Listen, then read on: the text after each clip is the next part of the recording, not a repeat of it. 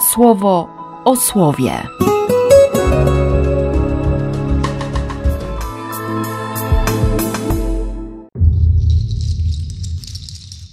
Dziewiętnasty lipca, wtorek.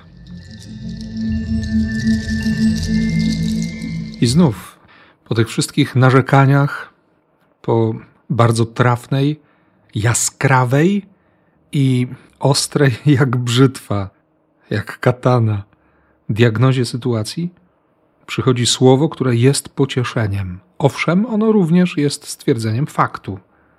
Wołanie serca. Tak, serca pokruszonego, serca rozdartego, serca doświadczającego pewnie z przerażeniem swojej osobistej ranliwości.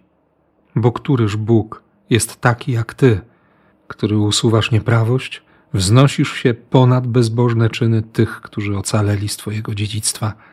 Nie przechowujesz swojego gniewu, by był świadkiem. Ty przecież wolisz okazywać miłosierdzie.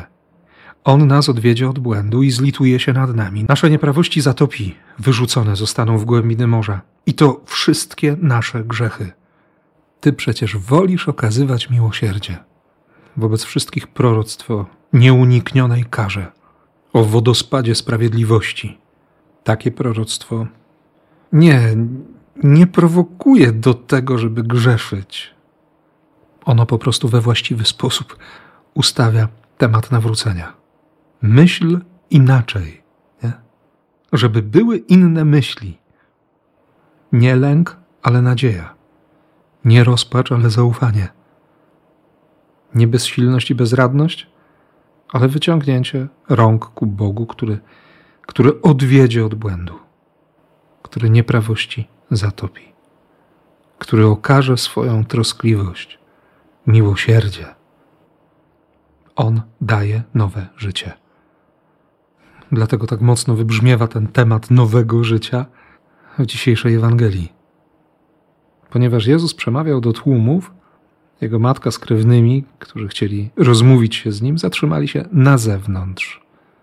Po chwili ktoś się odzywa: Przyszła twoja matka z krewnymi, stoją tam, na zewnątrz i chcą z tobą rozmawiać. Chcesz wiedzieć, kto prawdziwie jest moją rodziną? Bliższą mi niż matka i krewni? I wskazując ręką na uczniów: Oto moja matka i moja rodzina. Każdy, kto pełni wolę mego Ojca z niebios, jest mi jak matka, brat, siostra, kuzyn czy kuzynka. Każdy, kto pełni wolę Ojca. A wolą Ojca jest uwierzyć w tego, którego On posłał. Wolą Ojca jest zmiana myślenia, przeniesienie akcentu. I ponieważ sam tego doświadczam, wbrew logice często, i wobec Ciebie chcę dzisiaj zaświadczyć – nie ma dla Boga rzeczy niemożliwych. On naprawdę, naprawdę daje nowe życie. Więc żyj w imię Ojca i Syna i Ducha Świętego. Amen. Słowo o słowie.